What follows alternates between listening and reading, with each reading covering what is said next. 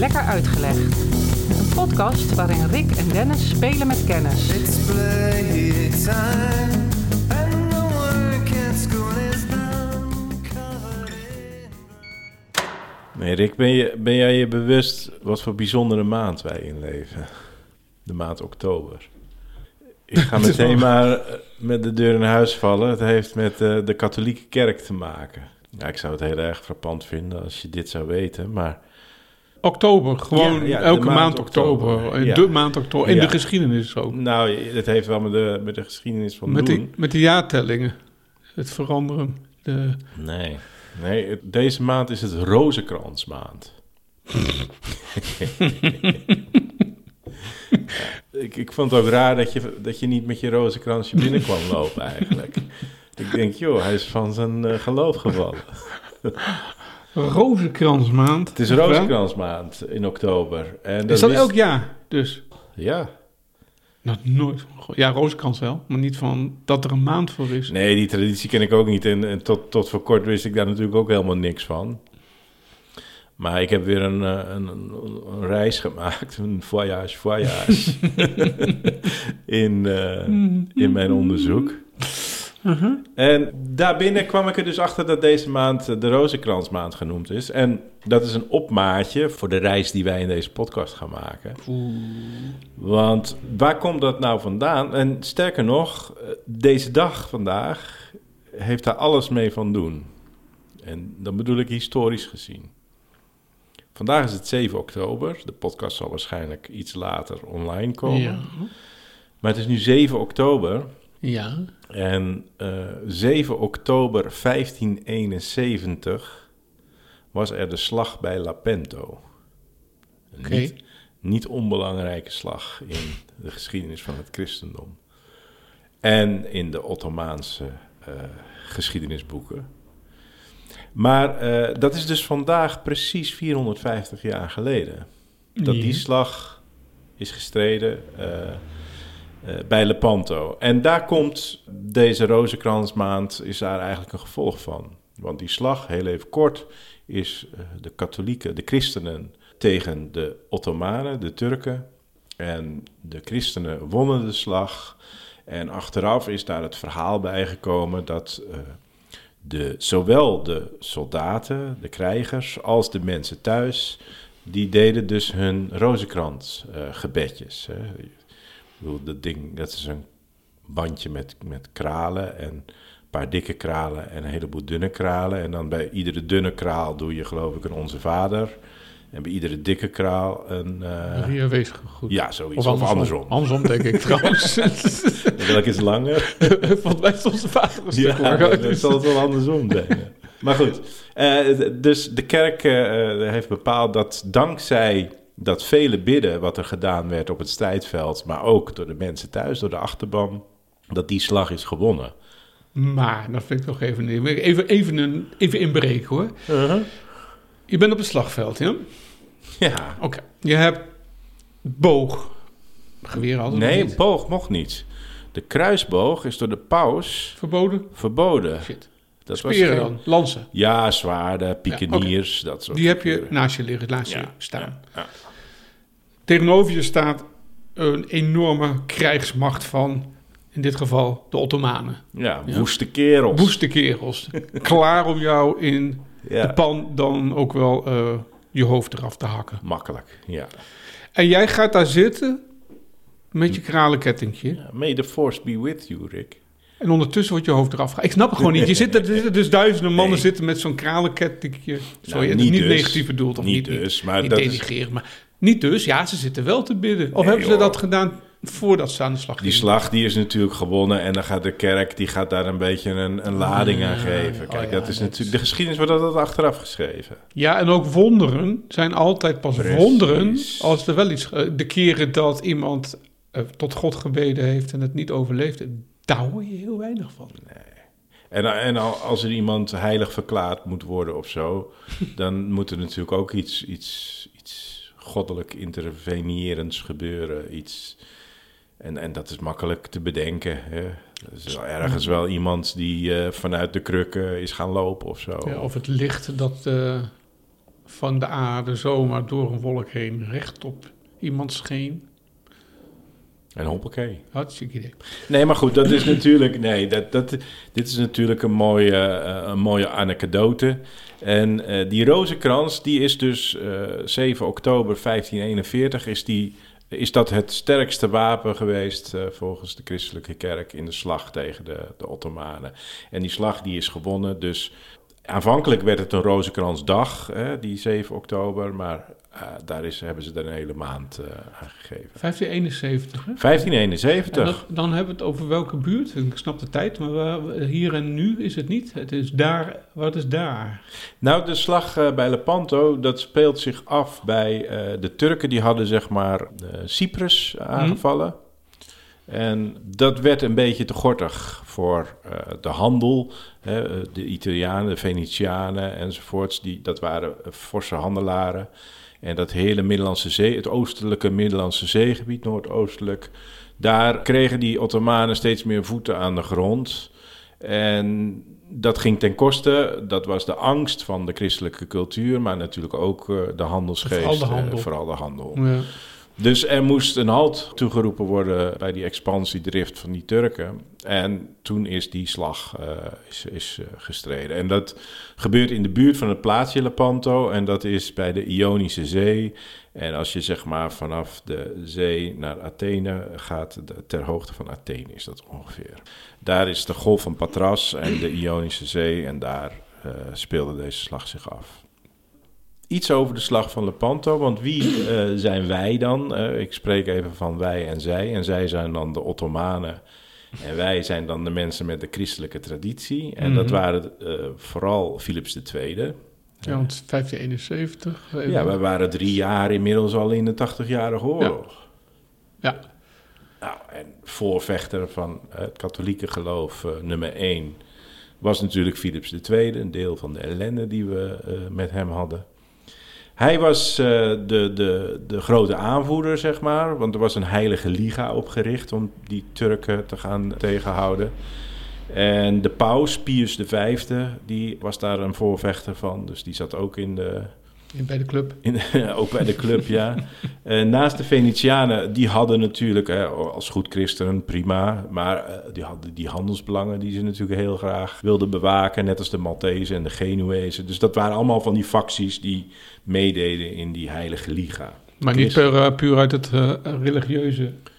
Eh, vanuit het religieuze. Nou ja, zo is het wel. Hè. Het werd de Heilige Liga genoemd. Dus dat was de verenigende factor, laten we het zo zeggen. Ja. Maar belangen waren, dat zie je als de slag gestreden is, dat ieder zijn eigen belang heeft. En bijvoorbeeld na de slag was het al, de Venetianen waren al heel snel bereid om een vrede met de Turken te, eh, te sluiten. Om maar weer gewoon die handel open te krijgen. Ja. De inzet was eh, de controle over dat oostelijke gebied in de Middellandse Zee. Eh, dat was waar het om draaide. En die Turken die wilden zoveel mogelijk, die waren bezig het Rijk aan het, aan het versterken. Nou, en die Liga die wilde dat dus een halt toeroepen. De vloot van die Liga, dus je moet je voorstellen dat dat ongeveer 200, 250 galeien waren die nou ja, klaargemaakt werden en eh, richting de Golf van Patras gingen varen. En daartegenover stond ongeveer een even grote troepenmacht van de Ottomanen. En het volk, het was ongeveer 80.000 man, denk ik, aan beide kanten. Die, eh, die tegenover elkaar stonden. En degene die de Heilige Liga aanvoerde was de halfbroer van Philips. Dus dat was Don Juan van Oostenrijk. En bij de Turken had je de sultan Selim II die, eh, die aan het roer stond. Nou, het werd een enorm bloedbad. Het heeft vijf uur geduurd. Vijf uur maar. Vijf uur. Vind ik best kort. Het is best kort, dat, En? dat vond ik ook. was gewoon een zeeslag, met name. Het was een zeeslag en het heeft, ik geloof, 30 of 40.000 eh, zielen gekost. Wow. We hebben het wel eens over de Somme, hè, de rivier Mhm. in Frankrijk waar de slag. Ja. eh, ik ben even precies de datum kwijt. Daar zijn, geloof ik, op één dag 60.000 gevallen. Nou, Dat, nagaan. is dezelfde verhouding, Bizar. maar dat is, dat is toch wel. ach, Ja, vind ik apart dat je daar niks. Ik weet niks van Lapento. Ja, nu wel een beetje door Ja. jou, maar dat er zoveel zijn gevallen. Eigenlijk vielen de meeste slachtoffers... Nou ja, dat, ik, ga, ik weet niet zeker of dat de meeste waren... maar er vielen heel veel slachtoffers aan de kant van de christenen. Omdat een heel, heel veel christenen... Namelijk, ja, nee, dat, de Turken hadden heel veel christenen als slaaf gemaakt. En de slaafgemaakte christenen, dat waren de roeiers... Ja, van de, ja. eh, eh, van de galeien en de, de, de galjoenen en weet ik hoe je die allemaal noemt. eh, Trireme. van de Turken. Oh, nee, dat niet. Nee, dus werd, ging zo'n ding naar de haaien, dan gingen er meteen eh, een paar honderd christenen ook mee, omdat die eh, als slaven daar eh, aan boord zaten. Nou ja, die slag is gewonnen en wat ik net zei, da- daarna viel eigenlijk dat samenwerkingsverband van die christelijke mogendheden, die viel al heel snel eh, uiteen, wegens eh, verschil aan belangen. En dat zorgde er ook voor dat die, die Turken al heel snel eigenlijk weer konden herpakken. Dus eh, de, de vloot werd opnieuw opgebouwd en ik geloof twee of drie jaar later werd Cyprus alsnog veroverd. Dus het, het doel, zeg maar, om ze tegen te houden was, was kortstondig bereikt. Maar eh, uiteindelijk de, de slag gewonnen, wat zeg je, en de oorlog verloren. Zo Ja. is het gezegd. Ja, ja. Maar wel belangrijk ook voor Nederland. Want, Vertel, want Nou die, ja, eh, kijk, wij ik zijn... zie dat niet één keer, stel 1, 2, 3. Ik weet dat we in oorlog waren met, eh, Precies, met nou, Spanje. Precies daarom. Oh. Want, kijk, Philips II, die had een hoop aan zijn hoofd. Dat was, die had het ook niet makkelijk. Ah, nee, nee. We mogen wel een beetje... Die was bezig om eh, Spanje, zeg maar, te verenigen. Dus Portugal erbij eh, te betrekken. Eh, hij was bezig met, de, wat had je daar? De, de, de contra-reformatie zelfs, kreeg je op den duur. Als, als antwoord op de reformatie in het noorden.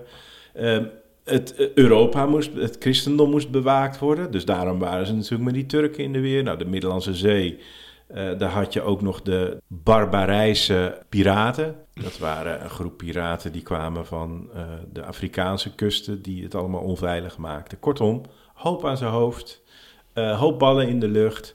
En dat betekende dus ook dat hij zijn aandacht moest verdelen. Dus op het moment dat hij die slag en die strijd met die Turken aangaat, kun je bedenken dat hij wat minder oog en minder tijd eh, kan besteden aan eh, de strijd in het noorden en andersom. Dus op het moment dat die slag gestreden is, eh, dan zie je dat de aandacht weer naar een ander gebied kan. Dus het heeft wel degelijk ook met, met, met Nederland te maken. Misschien wel op de achtergrond, maar er moet geld zijn om oorlog te voeren. Er moeten manschappen zijn om oorlog te voeren. Nou, je, je kunt ze maar op één plek tegelijk inzetten natuurlijk. Ja, en als ze dood zijn, dan heb je Dan er wel een stuk minder aan. Ja, ja, ja.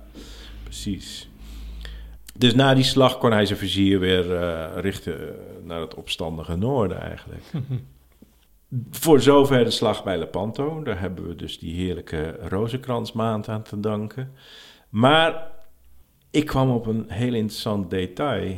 eh, die verbonden is aan de slag bij Lepanto. En dat is dat er een bijzondere deelnemer was aan die slag bij Lepanto. Willem-Alexander was in het cognito. Nee, nee dat mocht Willem-Alexander. eh, nou ja, de. Willem-Alexander van toen. En niet Ja. dat je denkt dat Willem-Alexander heeft getijdreisd en zo. Nee, ik bedoel, eh, diegene die 13 jaar later dood eh, werd geschoten, die deed niet mee toevallig. Nee, nee, die deed niet mee. Nee, nee, nee.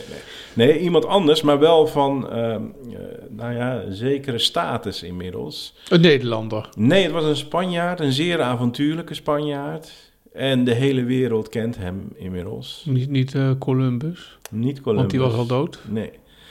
Eh, ik heb het over eh, Miguel de Cervantes. Ah, de schrijver. de schrijver, de auteur van Don Quixote.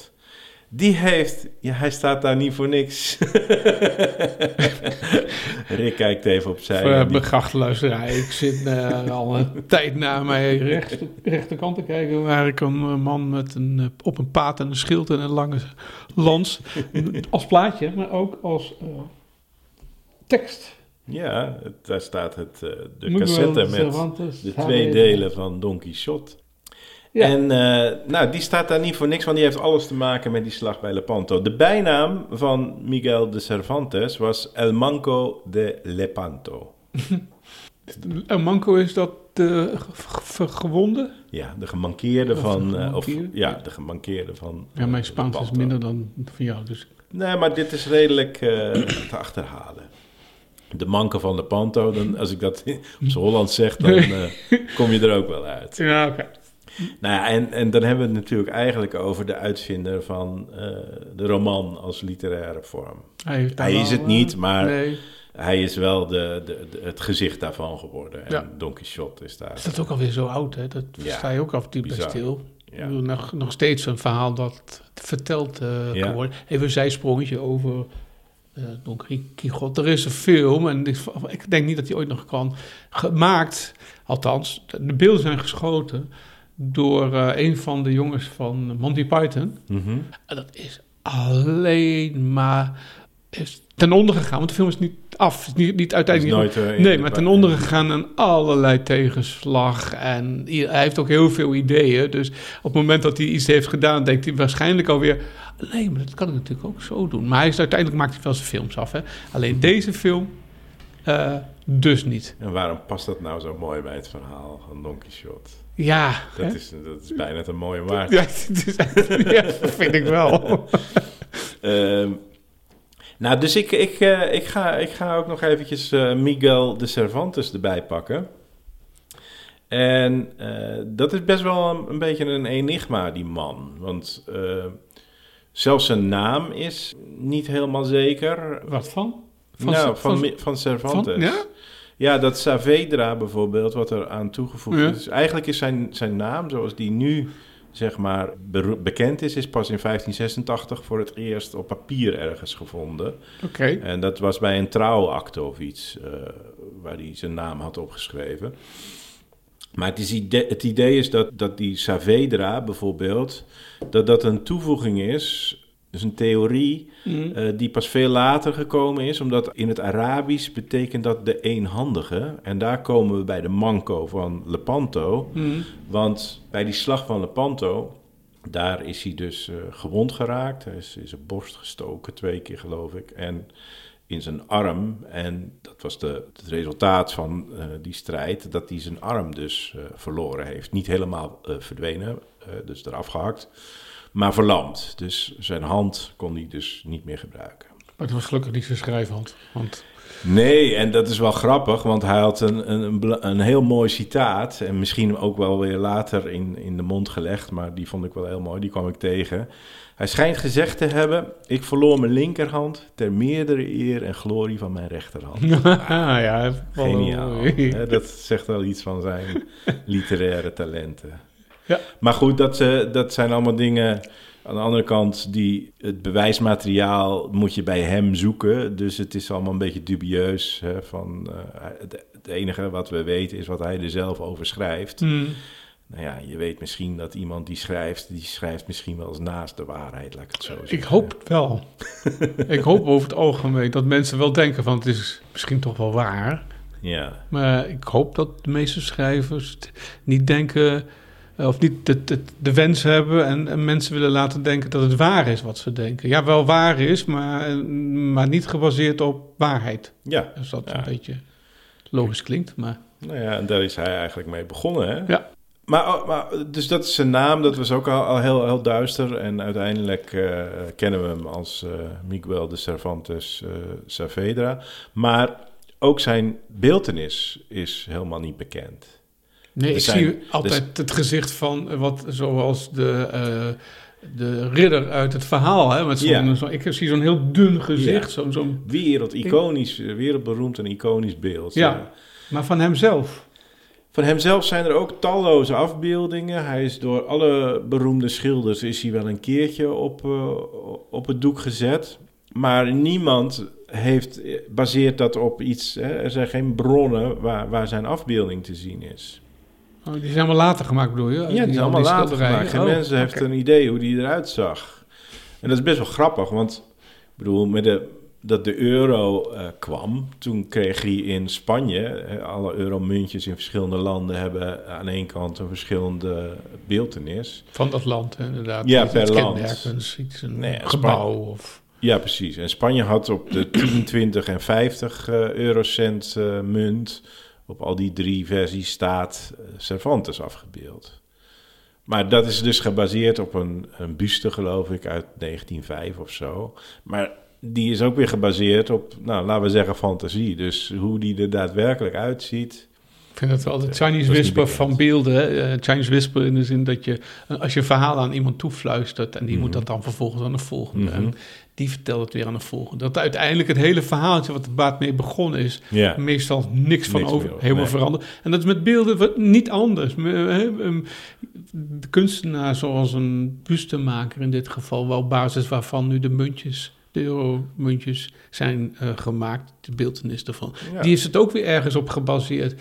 Ja, die schaafde hier wat aan, maar Ja. doet hij niet eens bewust. Nee.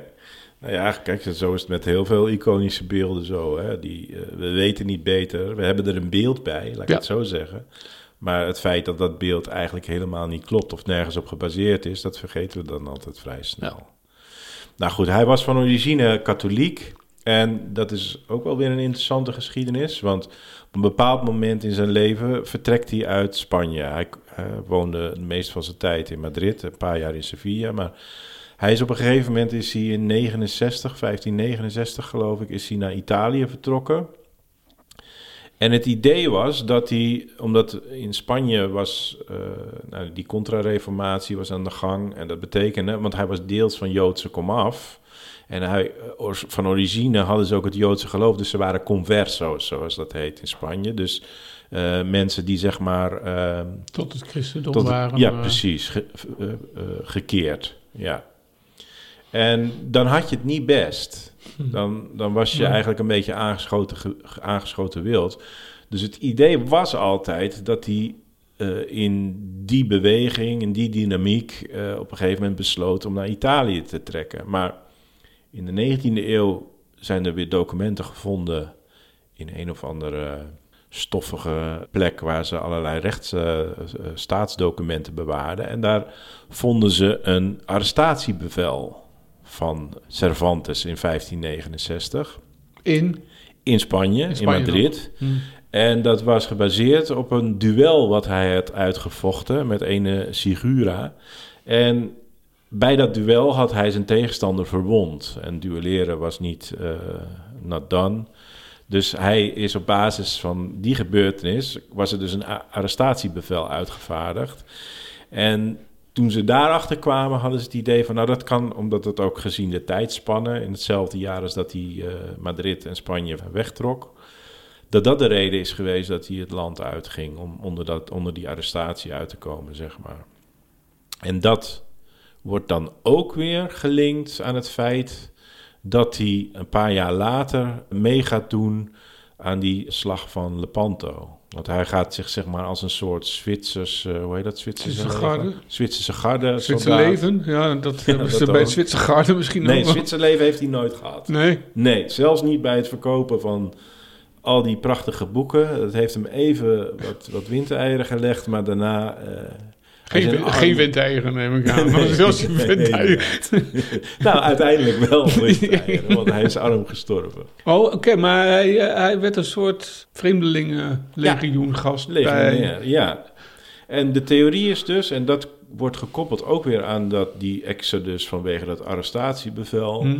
Er wordt gezegd van ja, hij is toen bij die garde gegaan. Het heet overigens anders de tercio's, de Spaanse tercio's. Maar dat is hetzelfde als die Zwitserse garde. Het zijn eigenlijk gewoon huursoldaten. Je Mm. huurt jezelf en je gaat voor de goede zaak. In dit geval de christelijke zaak ga je vechten.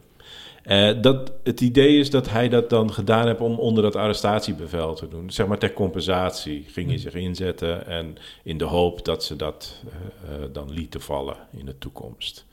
Dus dat is best wel, best wel interessant. Nou, hij heeft eh, op het schip de Marquesa gezeten, waar 40 man van kwam te overlijden en 120 man gewond, waaronder dus hij. En aan de hand van dat, nou ja, dat, dat lamme handje heeft hij dus de bijnaam El Manco de Lepanto gekregen. Nou, en dan ben ik bijna wel aan het einde. Want als we dan kijken hoe het verder met hem gaat, nou ik zei al, hij sterft eh, in armoede.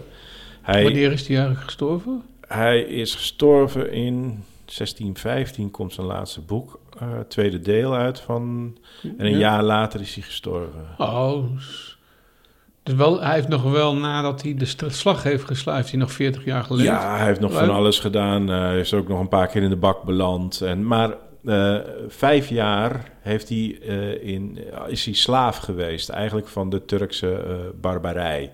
Dus wat ik net zei over die, die Afrikaanse piraten. Ja. Hij kwam op een bepaald moment, besloot hij om vanuit Italië, hij is eigenlijk eh, vrij lang in Italië blijven hangen, is hij met zijn broer weer teruggekeerd na zijn herstel naar Barcelona. En met de, de vaart richting Barcelona is hij in de Middellandse Zee, is het schip gekaapt.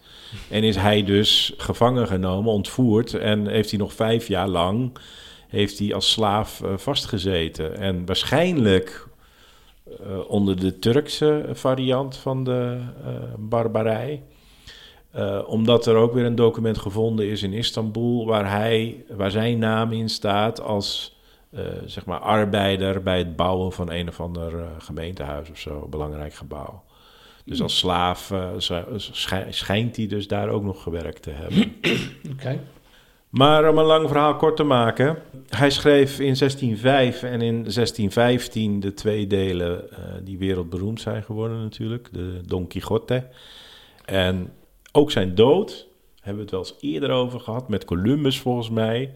Dat die, zijn lijk die ging alle kanten op en had meer gereisd als dooien. al- Ja, ja, dan, klopt. Dan, Ja, als levende, kan ik me herinneren. Nou, zo erg was het bij Cervantes niet. Maar ook eh, eh, waar hij niet literair in de vergetenheid geraakt eh, is, is dat wel met zijn graf gebeurd. Beter niet waar die ligt. Nou, ze wisten waar hij lag. Hij lag gewoon keurig in een klooster bij een christelijke orde die hem ook hadden vrijgekocht van die barbaren. Want eh, die hadden zijn losgeld, het was een bedelorde. Dus die hadden genoeg gebedeld, denk ik, eh, zodat ze hem het losgeld konden betalen. En zo is hij ook weer na vijf jaar teruggekomen. Hij had als wens om daar in dat klooster begraven te worden. Dat is gebeurd, alleen ze gingen dat klooster gingen ze restaureren enzovoort. En toen hebben ze tijdelijk Cervantes even uit het graf gehaald, aan de kant gezet. En jaren later is er nog weer een re- eh, renovatieronde gekomen. En toen is eigenlijk dat graf is gewoon kwijtgeraakt. dus ze wisten niet meer waar Cervantes was. En niet lang geleden, misschien herinner je het je nog wel, eh, is er een campagne opgestart om hem terug te vinden. En dat is ook daadwerkelijk gelukt. Ik geloof binnen een paar jaar hadden ze hem weer gevonden. En ze hebben hem gevonden en weer herbegraven in de buurt van dat klooster waar hij ooit, eh, ooit lag. En ze hebben hem gevonden en konden hem herkennen aan de initialen op de kist, MC, en aan de oorlogswonden die hij nog had. Oh, dus ja. daar konden ze duidelijk Oh, ja. aan zien van, nee, dit moet hem zijn. En, Wat, eh, met al af te vragen, je hebt eh, Ja, ergens een skelet eh, Ja. gevonden en je zegt van, nou, dit zal hem wel eens kunnen zijn. Hoe weet je dat dan? ja. Ik denk het. Ik denk dat het hem is. Het moet, het moet hem zijn, maar je hebt verder geen bewijs. Maar als je zegt oorlogswonden... Ja, nee, ze hebben, op Dan- het lichaam hebben ze nog wat eh, resultaten gevonden van die eh, slag bij, Lepanto. Dus die heeft hem ook na zijn dood eh, gekenmerkt eigenlijk. En Ja. het feit dat ook zijn eh, vrouw, geloof ik, in dat graf gevonden is. Dus nog wat andere familieleden erbij. Dus toen was het allemaal weer eh, duidelijk dat hij het was en hij ze hebben begraven. Een laatste beide weetje. Altijd leuk. Altijd da- leuk. Daar zit ik altijd op te Daar wachten. zit jij op te wachten. Ja, ik- ook altijd een muzikale referentie. Maar die, dit is deze keer... Nee, nee. nee, Nee. ja, alleen uh, Voyage, Voyage hadden we heel even. Maar ja, maar dat vind ik dat niet... was niet... eh, Ik haal, dat, ik haal dat in met een podcast. hmm. Muziek. Maar eh, ja, laatste bij de week. Nou ja, een, laatste bij de dat vond ik grappig. En dat, dat maak, ik er dan, maak ik dan zelf interessant. hij, had, hij is getrouwd, maar voordat hij getrouwd was... had hij al een dochter bij een andere vrouw. Oeh, eh, een bastaardkind. Ja, een bastaardkind. En, maar hij was daar wel, eh, hij heeft dat kind erkend, dus hij is niet voor zijn eh, verantwoordelijkheden weggelopen. Maar de naam van zijn kind, dat vond ik dan toch wel weer, en dan zijn we eigenlijk weer een beetje terug bij de literatuur. Dit keer niet bij de non-fictie, maar bij de, of eh, bij de, bij de non-fictie en niet bij de fictie. Hm. Zijn dochter, nee, zijn dochter heet Isabel, maar de vrouw waarmee hij die dochter had, die heet Anna Franca. Anne Frank. Anne Frank. De vrouw van Cervantes. Huh. En eh, nou ja, wat ik zeg, dan zijn we terug bij de literatuur. en bij de fictie van Cervantes en de non-fictie van Anne Frank. En daar eindig ik eigenlijk met een kleine oproep. Want gezien het dus de maand van de rozenkrans is... Afkomstig van de slag bij de Lepanto. Belangrijke deelnemer, onze wereldberoemde Cervantes, de Don Quixote. Luisteraars, het is oktober, nou geweest. We doen het nu in november. Lees allemaal eh, Cervantes en de Don Quixote. Ga ik ook doen. Ja, Want daarom staat Vandaar dat hij hier ook staat. ja, ja, ja, ja. Ik heb even de stof eraf gehaald. Prachtige editie, mooi uitgegeven met de prenten van, eh hoe heet die ook alweer, die eh Etzer? Eh, Gustave Doré natuurlijk. Ja. hè? In de, is het de vertaling van Barbara van der Pol? Ja. Ja, nou, daar ga, daar ga ik aan Ah, beginnen. jij bent echt een... Ik heb, ik heb het nog nooit gelezen. Ik heb het wel ooit gelezen, maar ik, eh, ik kan me niet goed meer heugen. Dat is echt al in mijn studententijd, denk ik, dat ik het gelezen heb. En ik dacht, nou, ik, eh, met deze context erbij kan ik hem misschien wel weer eens een keertje. Het is een goede ex, goed excuus om hem nog een keertje te lezen. Ik wacht op de film.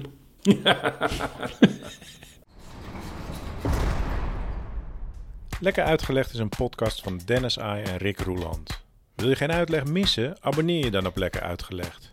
Dat kan op Spotify, iTunes of in je favoriete podcast-app. Laat ook vooral een recensie achter. Dat vinden wij leuk en andere mensen kunnen ons dan sneller vinden. Lekker Uitgelegd is ook prima te volgen op Twitter, Facebook en Instagram. Wil je meer weten over deze aflevering? Kijk dan op lekkeruitgelegd.nl. En wil je reageren? Dat kan. Stuur dan een mailtje naar info@lekkeruitgelegd.nl. Tot over twee weken. Lekker uitgelegd is een klankmedia productie. En de muziek, die is van Kolbak.